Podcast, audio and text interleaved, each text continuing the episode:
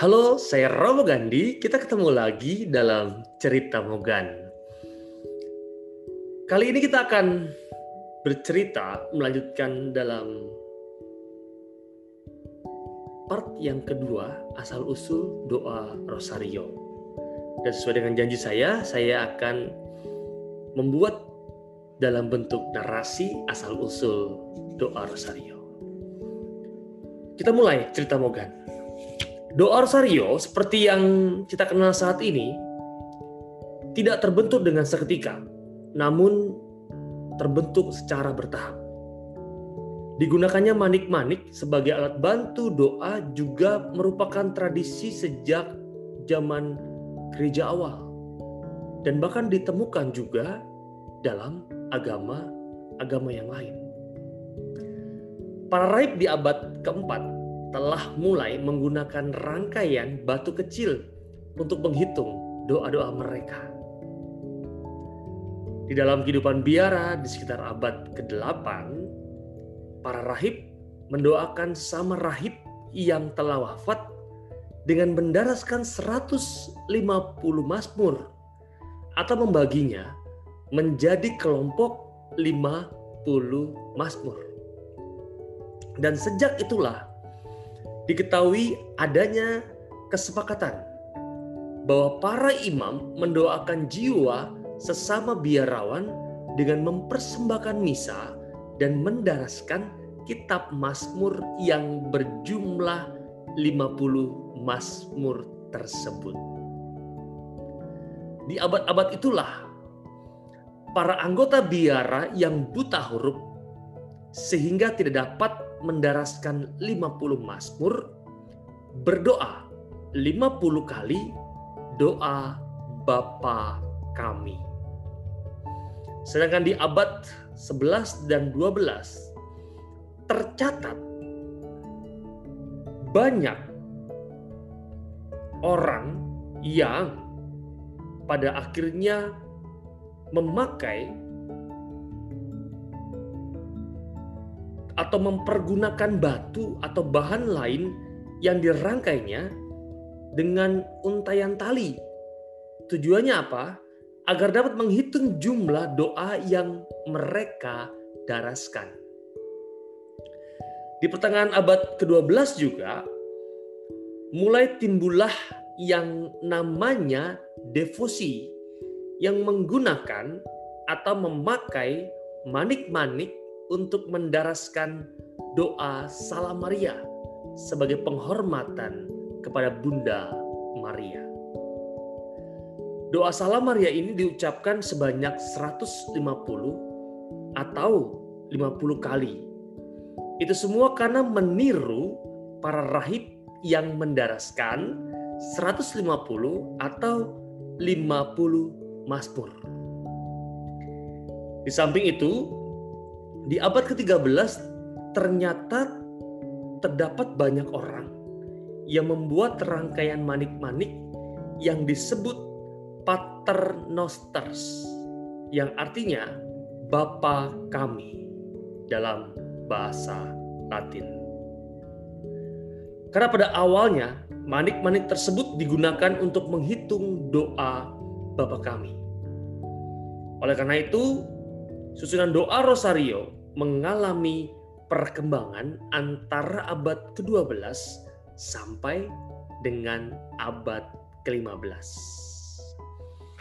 Akhirnya susunan yang umum yang dikenal adalah 50 doa salam Maria dihubungkan dengan ayat-ayat Mazmur atau ayat-ayat lainnya dalam kitab suci untuk memperingati kehidupan Tuhan Yesus dan Bunda Maria. Rangkaian tersebut dikenal atau kemudian dikenal dengan sebutan Rosarium, Rose Garden atau Taman Mawar.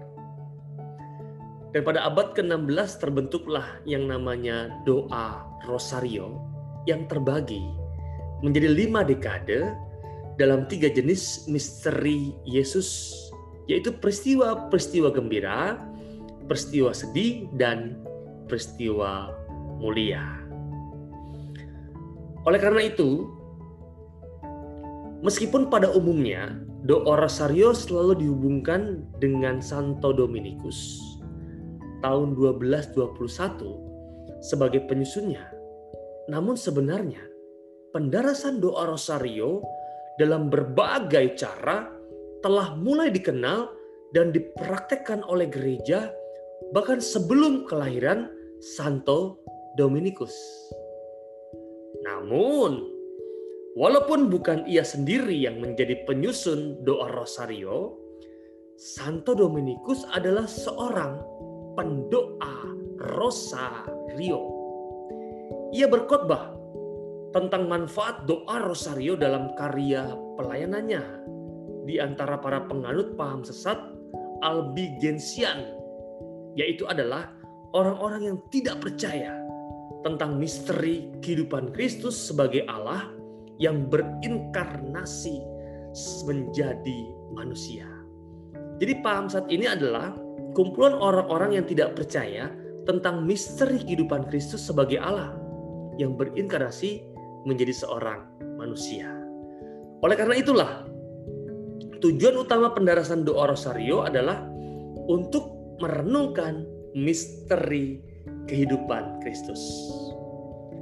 Walaupun catatan riwayat hidupnya tidak menyebutkan bahwa Santo Dominikus adalah penyusun doa Rosario dan juga konstitusi Dominikan tidak menyebutkannya sebagai pencipta doa Rosario, namun sekali lagi peran Santo Dominikus cukup besar dalam memperkenalkannya kepada umat beriman. Doa, doa rosario dalam bentuknya yang sekarang ini merupakan hasil pertumbuhan devosi yang terjadi dalam rentang ratusan tahun setelah kematian Santo Dominikus. Doa Rosario itu mulai populer di sekitar tahun 1600 sampai 1700-an. Terutama setelah kemenangan pasukan Kristen di Lepanto tahun 1571. Apa yang terjadi? Saat itu negara-negara Eropa diserang oleh kerajaan Ottoman. Dan jumlah pasukan dan armada Turki tersebut, pasukan Ottoman tersebut ternyata jauh melampaui jumlah pasukan dan armada Kristen di Spanyol, di Genoa, dan Venesia. Sehingga terdapat sebuah ancaman besar, ancaman yang genting bahwa agama Kristen akan terancam punah di Eropa. Nah, cerita semakin menarik. Menghadapi ancaman ini, Paus Pius kelima itu memerintahkan kepada semua umat beriman untuk berdoa rosario. Untuk memohon dukungan doa Bunda Maria agar pasukan Kristen yang jumlahnya jauh lebih sedikit itu memperoleh kemenangan. Dan perintah Paus ini dilakukan oleh Don Juan atau kita kenal John dari Austria sebagai komandan armada, demikian juga umat Katolik di seluruh Eropa. Dalam kesatuan hati itulah gereja memohon bantuan Bunda Maria dalam keadaan yang sangat-sangat mendesak. Pada tanggal 7 Oktober 1000 571 Paus Pius kelima bersama-sama dengan banyak umat beriman berdoa rosario di Basilika Santa Maria Maggiore. Sejak subuh sampai petang, doa rosario tidak berhenti didaraskan di Roma untuk mendoakan pertempuran di Lepanto. Walaupun nampaknya mustahil, namun pada akhirnya pasukan Kristen memperoleh kemenangan pada saat itu. Sehingga Kristianitas tetap dapat bertahan di Eropa dan kemudian tersebar sampai ke bagian-bagian dunia yang lain.